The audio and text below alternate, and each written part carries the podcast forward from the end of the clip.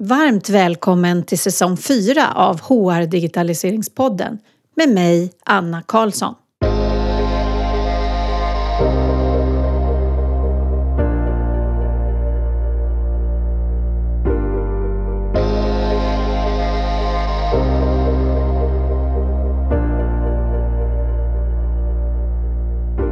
Den här hösten har jag haft lyxen att kunna dela med mig av flera olika kundcase här i podden och nu är det dags för det tredje caset. Och som alltid blir det då ett bra tillfälle att påminna om att om ni har gjort något intressant så får ni gärna höra av er till hejathdigi.se och tipsa. Det behöver inte vara extremt utan bara något som gjort att ni gör eller tänker annorlunda. Idag är det Gislaveds kommun som delar med sig av sitt projekt som använder en robot för att snabba upp och automatisera stegen från när en anställning är beslutad till dess att avtalet är påskrivet och uppgifterna även finns i lönesystemet. Tidigare tog hela processen över en månad till att nu vara nere på i bästa fall 90 sekunder, vilket då självklart är bra för både kandidaten, chefen och HR. Det som berättar om sitt robotprojekt med roboten Vida är Anna-Klara Ingesson som är projektledare och Amanda Lundstedt som är HR-konsult på Gislaveds kommun. De tar gärna emot frågor när du lyssnat klart och du hittar länkar till deras LinkedIn-profiler i poddens avsnittsbeskrivning i din poddspelare eller på hrdigi.se podcast.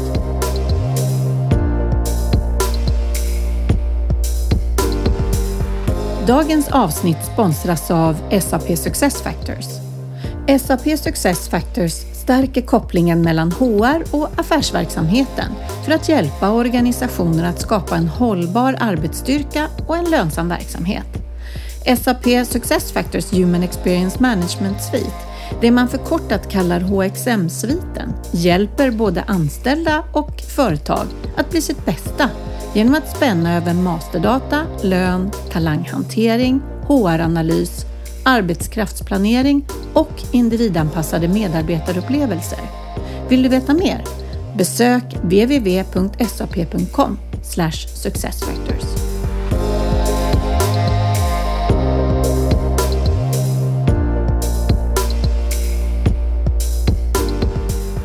Välkomna till HR Digitaliseringspodden. Tack! Tack så mycket. Idag har jag Amanda och Anna-Klara på besök. Eh, kan inte ni börja med att berätta vilka ni är? Eh, vem vill börja? Ska du börja Amanda? Ja, men jag kan börja, absolut. Eh, Amanda Lundstedt heter jag. Jobbar som HR-konsult på Gislaveds kommun. På HR-avdelningen där då. Har jobbat här i fyra år ungefär. Eh, och eh, till största del, eller vanligtvis, så jobbar jag mot organisationens chefer i olika HR-frågor då, som stöd till dem. Eh, men på senare tid så har jag jobbat lite mer med att ja, men digitalisera HR egentligen. Eh, så då har jag jobbat med den här RPA-lösningen eller robotlösningen som vi ska prata lite mer om idag. Eh, men också eh, med vårt systembyte, vårt HR-system då. Eh, och det är väl egentligen Anna-Klara som har introducerat mig till de delarna. Så. Eh, och just nu är jag eh, mammaledig så att det här blir väl lite så introduktion till att börja jobba igen. Precis. När är det dags ja, att börja jobba? Jag har inte igen? riktigt bestämt mig men jag kan tänka mig att det kanske blir här efter jul om jag inte känner mig lite småsugen på att börja lite smått innan. ja. Välkommen igen då till dig. Och Anna-Klara? Ja, Anna-Klara Ingesson heter jag och jag är anställd i Gislaveds kommun som projektledare, anställd på HR-avdelningen.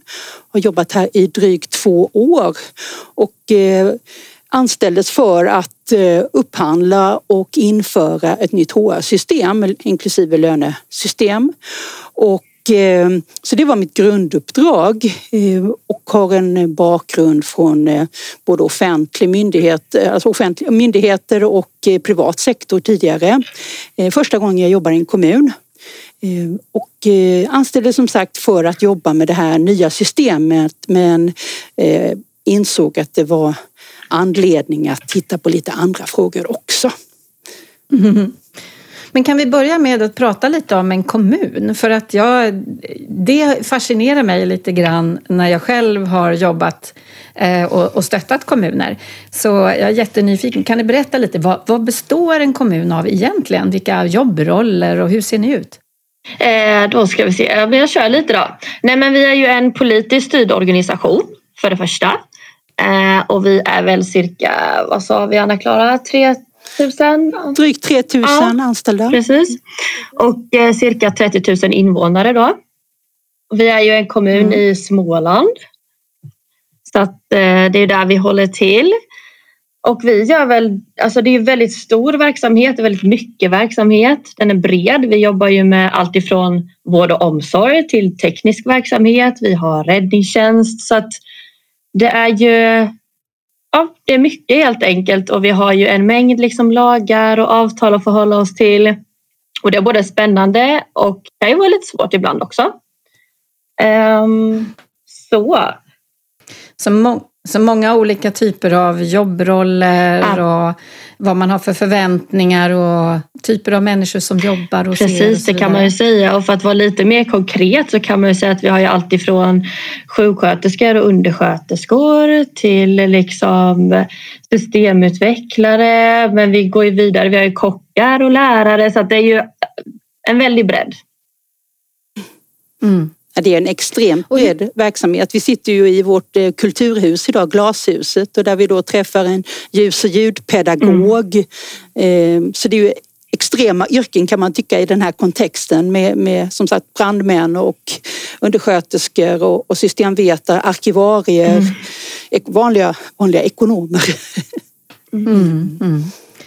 Mm. Så en superblandning. Eh, jag tänkte inte på det. Det är klart att jag själv bor i en kommun så man vet ju vilka man möter men eh, just den här rollen att jobba inom HR då och ha den här stora och breda eh, olika typer av kompetenser som man ska mm. stötta. Mm. Hur många är ni på HR då som jobbar? På HR-avdelningen så är vi ungefär 35 personer och den består av fyra eh, grupper, enheter, löneenheten, bemanningsenheten, eh, HR-enheten där vi är 6-7 personer idag. Och sen har vi en egen kommunhälsa som också ingår i HR-avdelningen. Så cirka 35 personer. Mm. Ja, men ska vi prata om det som var tänkt idag? Och precis som du nämnde, Amanda, så handlar det ju om, om eh, robotisering, eh, RPA-tjänster. Så hur kom det sig att ni började med det projektet? Du nämnde, Anna-Klara, lite grann att du kom in och så skulle ni Eh, in, införa ett nytt HR-system. Men lite historia bakom. Ja, jo, det var ju så här att vi var klara i princip med upphandlingsunderlaget. Det var ute, vi hade skrivit avtal och parallellt med det så jobbar man ju med att titta på processerna och då blev det väldigt tydligt att vi var tvungna så att säga rensa lite i systemet eller rensa upp och sätta en gemensam bild av hur vi jobbar med anställningsprocessen. Eh, och jag hade tidigare arbetet tittat på de här frågorna. Nu hade jag kommit till ett sammanhang där det är ganska kort till beslut. Ehm, så att jag presenterade det här för min chef och som sa, nej men eh, i princip sa hon kör. Ehm, men det så snabba kanske vi inte ska vara. Så att, eh, jag konstaterar att, att det var väldigt många olika sätt att arbeta med anställningsprocessen. Eh, att det var en väldigt lång process. Alltså, den tog eh, över en månad att från det att eh, man kommer överens om att vi vill anställa dig Amanda eh, till att du faktiskt får eh, del av ett anställningsavtal och att det registreras i systemet och att du kan få de behörigheter som du behöver och eh, den lön som du Eh, har kommit överens om. Så det var en väldigt lång och spretig process. Eh, det var väldigt eh, skillnad i kunskap om anställningsvillkor och de förutsättningar som gäller när man anställer. I många fall så var det en administratör som skötte de här delarna medan chefen som äger frågorna inte var tillräckligt involverad. Så det var ju förutsättningar vi behövde titta på. Eh, så att vi, det var ingången att säkerställa att vi gjorde på samma sätt. Man förstod vad begreppen innebar på ett bättre sätt eh, och att det skulle naturligtvis gå snabbare. Så att en mm. anställningsprocess på över en månad är, väldigt lång. Vara överens om. Mm. ja, det får vi vara överens om. Så hur eh, gick ni tillväg? Vilka steg tog ni då? Ja, det första var ju att eh, kartlägga hur processen såg ut. Eh, var fick vi informationen ifrån? Vem gjorde vad i vilka steg? Och skissa upp detta så att det gick att beskriva. Vi har ju ett innovationslabb i vår kommun så det är klart att vi hade ju ett, ett försteg här att det var Eh, lite känt sådär. Det var lite okej okay att jobba med de här frågorna. Eh, samtidigt hade vi inte gjort det så mycket på HR. Det var eh, Eh, i princip den andra lösningen vi gjorde här på området. Så vi skissade upp detta. Eh, de som var involverade eh, förstod vad vi menade när vi visade den här bilden. Sen kontaktade vi vår IT-leverantör av IT-tjänster, i det här fallet är det Atea. Och vi startade ett samarbete där när vi var överens om offerten och vad det här skulle kosta. Så satte vi igång någon gång kring midsommartid skulle jag säga. Eh, och började eh, titta på hur en... Och det är förra året, det eller hur? Faktiskt, eller? Ja, nu måste vi 2020 va? Ja. Ja, precis. Mm. Det är två Aha, år sedan. Det är två år mm. sedan. Mm. Mm. Mm. Så då, och det var ju parallellt med att vi skulle införa det nya eh, Alltså börja med en förstudie för det nya systemet här. Så att, eh, vi tog kontakt med eh, IT-leverantören. Vi hade med vår eh, Gustav som jobbar med digitaliseringslösningar internt. Och sen satte vi en eh, liten projektgrupp där och där hittade jag Amanda. Mm. Ja, Så det var starten. Mm. Så vad kände du då, Amanda? Eh, för vad jag vet om din bakgrund, det är en mm. ren HR-bakgrund. Mm. Hur kändes det att vara med i ett, ett sånt här innovationsprojekt? Yeah, men alltså det var ju såklart blandade känslor. Dels för att man ska gå utanför sin comfort zone lite grann. Eh, att vanligtvis jobba mest med liksom lagar, avtal, alla de här personalfrågorna, ärendena som hör till det. Till att sätta sig och jobba ännu mer med det digitala det var ju klart att det var lite läskigt men också väldigt kul.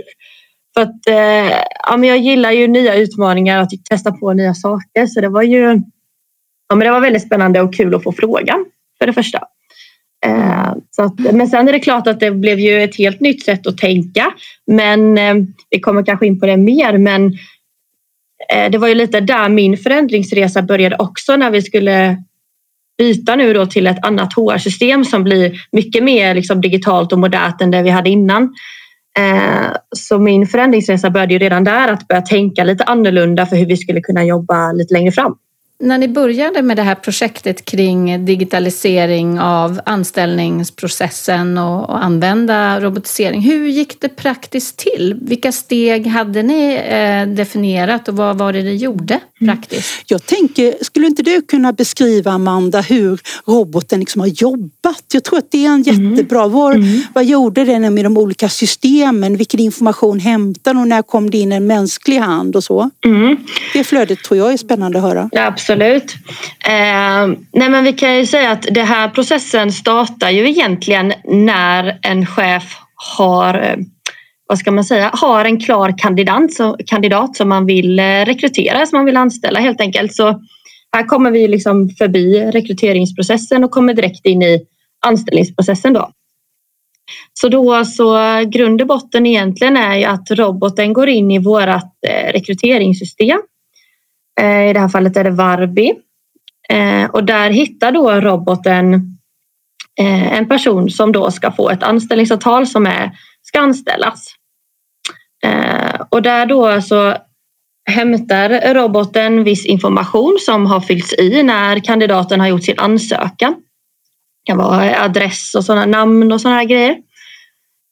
Så roboten hämtar de uppgifterna och skapar, vad ska man säga, ett ett utkast till ett anställningsavtal och då pratar vi en eh, Excel-fil egentligen som roboten då har lagt in viss information som har hämtats. Eh, våran robot då sparar ner det här eh, utkastet på våran gemensamma G-server. Eh, och där kan då den rekryterande chefen gå in och hämta upp det här utkastet och fylla på med anställningsuppgifter med stöd av HR. Och hur, då, och hur då chefen ska veta att roboten har jobbat och att det finns någonting där eh, för att då roboten har skickat ut mejl om att nu har jag upprättat ett anställningsavtal på den här personen. Eh, vänlig gå in där och, och fyll på med anställningsuppgifter. Eh, och det gör då chefen och vi på HR får också samma mejl kan man säga så att vi kan också se ja, men hur, vilket, vilket flöde har vi eh, och att det finns någon chef som kan behöva stöd i, i att fylla i då anställningsuppgifter. För det är här arbetsrätten kommer in till exempel. Eh, vilket avtal man ska anställas på eh, och så vidare. Eh, och också här som HR kommer in och hjälper till lite med, med lönesättning och så. Ehm, och när, när chefen då har fyllt på med uppgifter så sparar man. Eh, och sen lite senare så kommer roboten då att plocka upp det här igen Eh, utefter sitt tidsschema då för roboten jobbar utifrån eh, ett schema egentligen. Eh, så då så när det är klart eh, och roboten då kör igen och så, så skapar hon, säger jag i det här fallet, eh, ja, men ett färdigt avtal egentligen. Eh, dels som det blir som en pdf-fil som sen ska signeras men hon upprättar också själva, vad ska man säga, hon skapar egentligen anställningen i vårt dåvarande lönesystem. Eh, så att den ligger där. Eh, och färdigställer då avtalet till en pdf som sagt. Eh, och sen kommer HR in igen och tar upp det här avtalet och då skickar vi det senare för digital signering. Så att hela processen är liksom digital. Och då använder vi oss av mm. Scribe har vi gjort. Och där får då både chefen och medarbetaren skriva under. Och när det är klart så har avtalet liksom gått direkt till våran löneenhet som gör den slutliga administrativa delen så att säga. Um, och vad har vi mer för delar inkopplade? Vi har haft eh, IT inkopplat så att vi har haft ett nära samarbete mellan HR-avdelningen och IT i detta. Eh, för vårt eh, eller vår IT-avdelning hämtade information från vårt lönesystem för att kunna skapa användaruppgifter. Det är något som vi kallar för AD-konto då, som är inlogg till datorn och e-post och sådär. Ehm, men till, till det hela så hade vi också ett eh, ärendesystem påkopplat.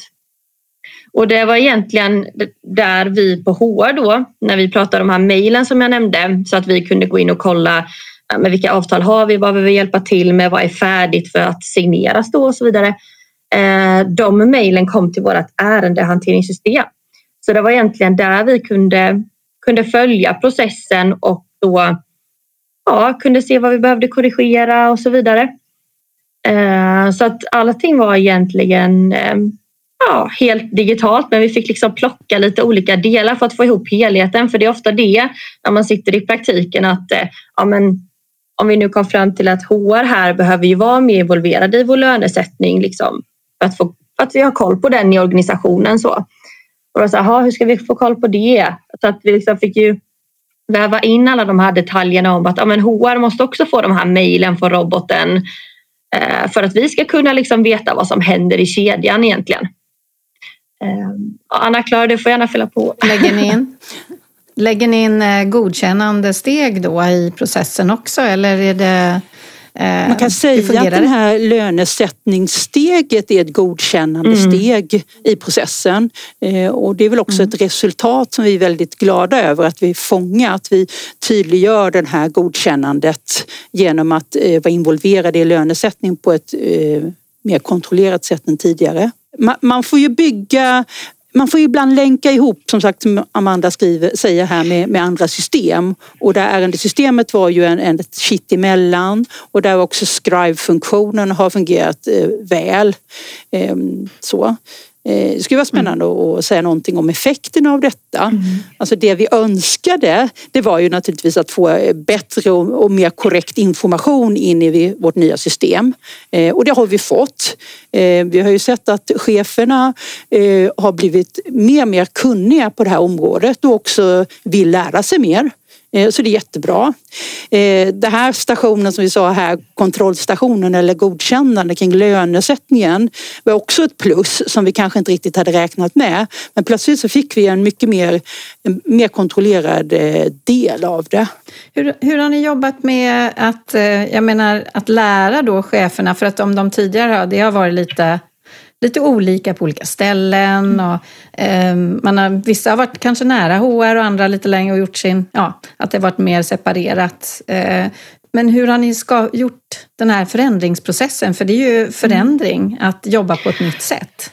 Precis, ja, men inledningsvis kan man väl säga att vi började försöka ska man säga, sälja, ja, men sälja in våran robot. Eh, just att vi på HR då var ett ja, men väldigt nära stöd.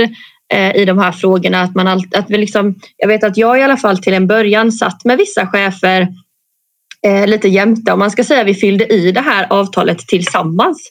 Eh, så vi kunde gå igenom rad för rad lite vad det innebar eh, och vad skillnaden är när man ska eh, sätta en viss information och när man ska sätta en annan. Eh, så det var väldigt mycket att vi satt och jobbade tillsammans. Eh, sen spelade vi också in instruktionsfilm som vi la upp på vårt intranät där man kunde kika och där vi också gick igenom alltså väldigt detaljerat liksom att här hamnar det här utkastet till anställningsavtal. Här hämtar du det, här fyller du på, sen landar det här och då kommer jag in som HR-konsult. Alltså alla de här stegen finns med i en instruktionsfilm till exempel.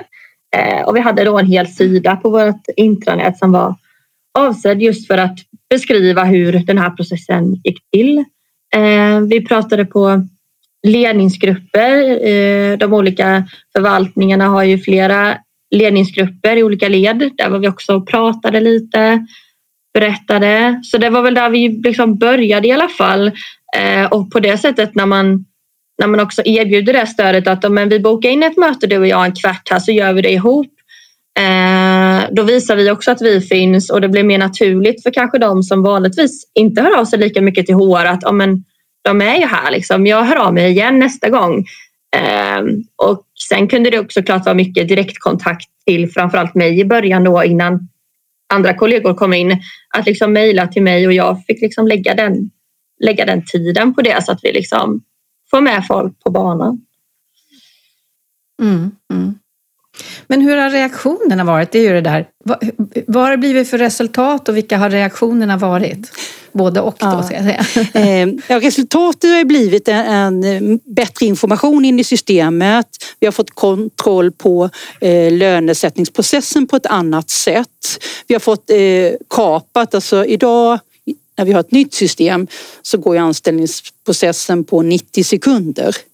Mm. Eh, jämfört med 30 dagar. Skillnad. Så det är ju en, en, stor skillnad. Så det är väl de konkreta plus att vi har en, en mer kunnig organisation om de här frågorna. Reaktionerna, hur har de varit? Mycket blandade.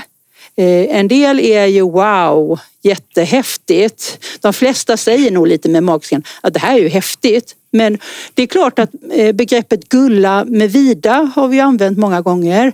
Detta är ju en robot så man, den, man måste, den är ju lite skör emellanåt. Va?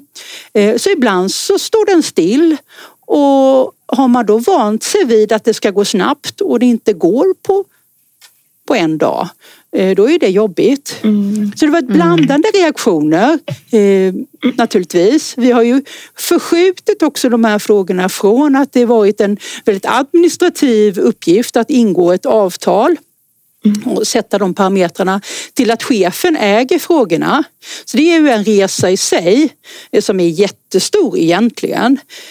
Eh, så det, och det är klart att, att Ibland vill man ju ha det som det var förr. Mm. Eh, det är ju enklare ja. ofta så. Det ja. där med förändring är alltid jobbigt. Så då var det mm. eh, mycket enklare förr för det var ju någon annan som skötte det och nu har man, får man själv sitta i förarsätet. Mm. Så det är väl stora, eh, den stora ja. grejen här. Precis. Nej, men jag tror också mycket av det är ju att den digitala mognaden ser ju väldigt olika ut ute i verksamheten och det måste man ju också ha med sig. Eh, men det var väl också någonting som man försökte kanske förklara på ett fint sätt också när vi satt i de här frågorna eftersom vi skulle landa i ett nytt system så försökte vi ju den här processen med vår robot Vida försökte vi ju liksom efterlikna så mycket som möjligt det som komma skall om man säger så.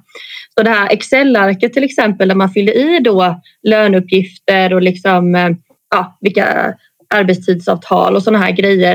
Eh, det skulle se ganska likt ut det vi skulle landa i vilket också skulle göra att den förståelsen eh, vad ska man säga, den utökade också liksom att okej okay, det är så här vi ska göra sen.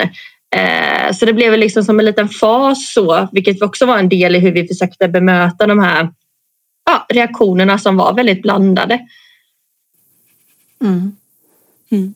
Och är det reaktion... Ja, du ville säga något mer, eh, Anna-Klara, sa du? Eh, det jag tänker på är ju rätt eh, organisatoriskt eller hur vi ser oss som organisation på HR-avdelningen. Mm. Där vi tidigare, jag brukar säga lite skämtsamt att vi var en fyrarummare och nu är vi någon slags villa med öppen planlösning. Där vi är mycket tajtare. Alltså vi jobbar ju jättemycket tillsammans med löneenheten. Nu, jag säger vi eftersom jag då var anställd på HR-enheten. Så man jobbar mycket mer tillsammans och bemanningsenheten. Eh, vi jobbar med IT. Det är självklart man är inte så rädd för IT-frågor som man var tidigare.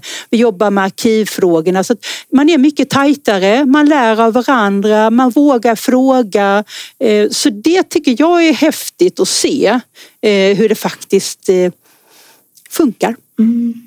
Mm. Det är med, för mig är det en liten dröm faktiskt som har gått i uppfyllning. Mm.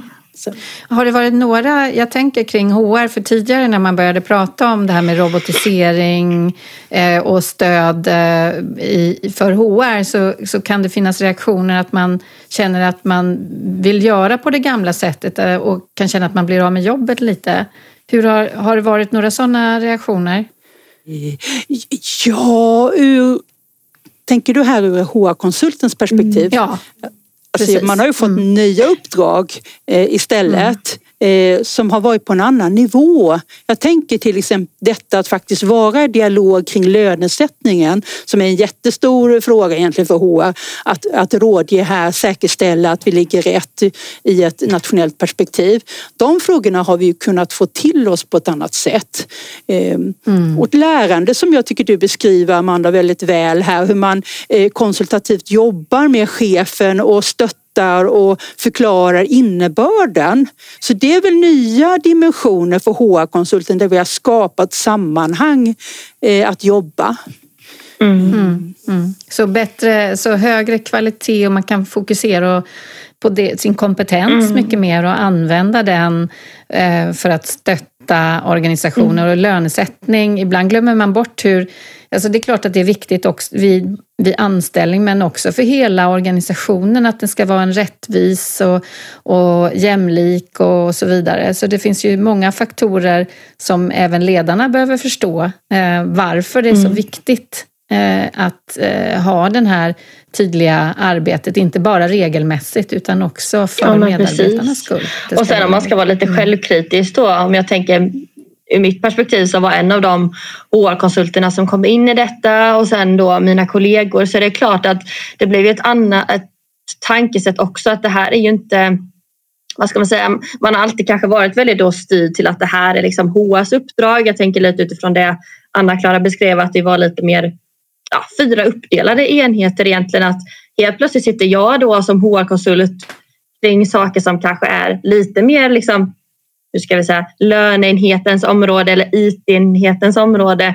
Att någonstans, ja, men det är ju inte bara en lönefråga eller en HR-fråga, en IT-fråga utan det är mycket som, som hänger ihop för att man ska förstå helheten och vi måste jobba så för att, det liksom, för att det ska bli bra eller för att det ska bli som vi önskar helt enkelt. Att det är mycket det mm, att mm. förstå att okej okay, men Annars kanske det har varit ganska mycket så att ja, men det, här, ja, men det här är nog lön, jag skickar det dit. Nu är det lite mer så här, men jag försöker och vi ta kontakt med lön och vi hjälps åt istället. Liksom, så. Eh, mm. Om man ska vara väldigt så självkritisk i hur vi har behövt förändra tankesättet just på HR och lön och så med. Inte bara för våra chefer då tänker jag ute som har fått kanske ja, en annan resa i själva avtalsdelen och de arbetsrättsliga frågorna. Jag tänker på, du nämnde Anna-Klara att det var, ni fick godkänt ganska snabbt att, att göra det här. Ehm, men ändå, ni har ju också det här innovationsenheten. Vad tror du det påverkar möjligheterna att både att få godkänt och eh, är det någonting som har spelat roll här? Ja, det är klart att, eh, eh, att få ett beslut snabbt eh, att det redan är så att säga krattat lite i manegen. Vi har ju digitaliseringsstrategi, man har ett innovationslabb. Det är klart att det ligger lite på beslutsfattarnas läppar då att ja men det är väl klart, det stämmer ju i linje med detta.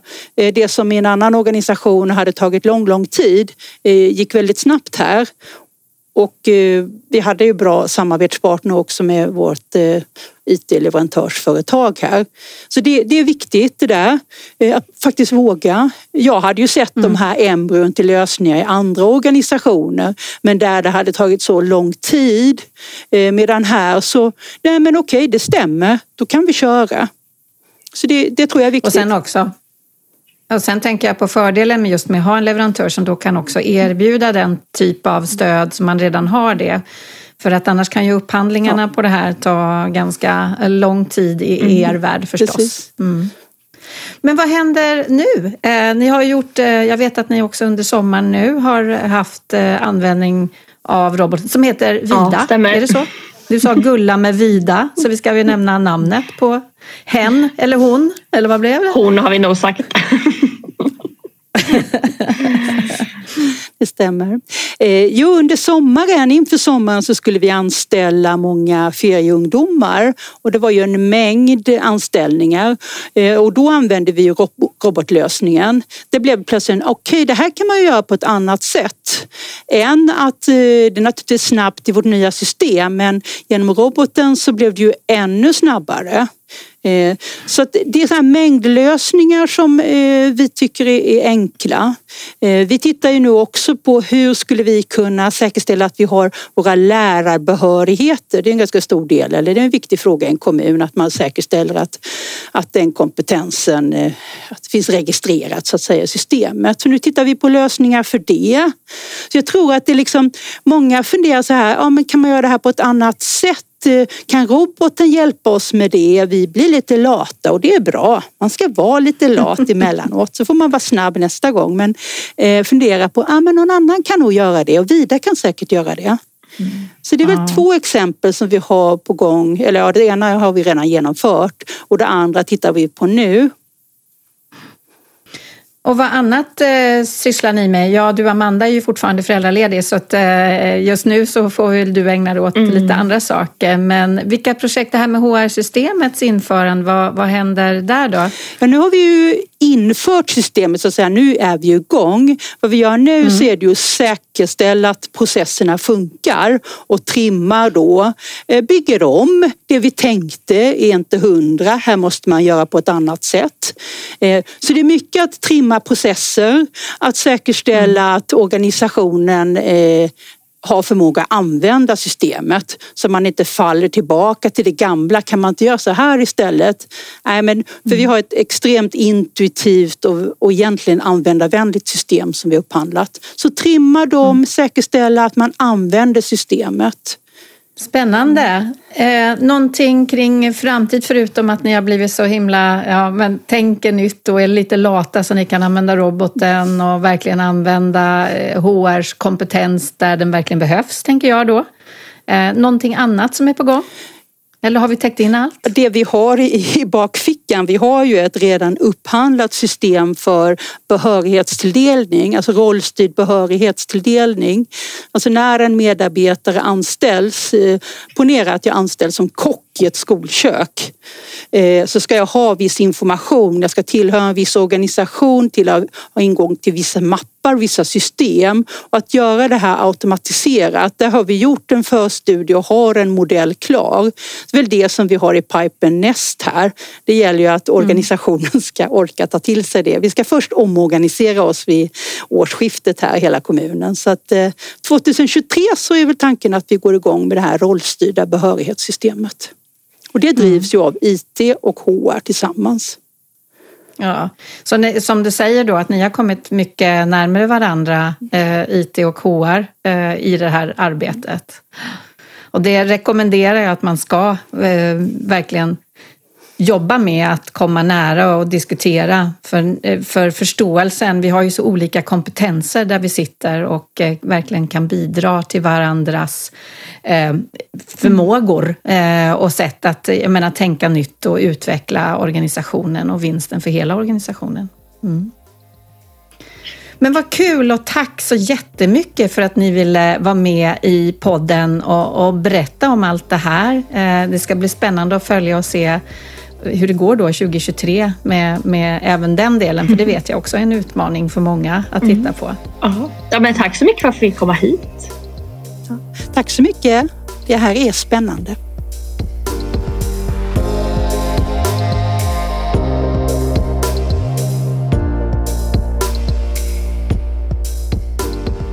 Tack för att just du har lyssnat. Podden levereras av HR Digitaliseringsgruppen och jag som pratar heter Anna Karlsson. Vi har fokus på att underlätta digitalisering för dig inom HR genom att erbjuda vår kunskap i form av poddande, konsultstöd, utbildning och mentorskap. Och på det sättet skapar vi tillsammans en digital framtid för HR. Du hittar info om både podden och gruppen på hrdigi.se.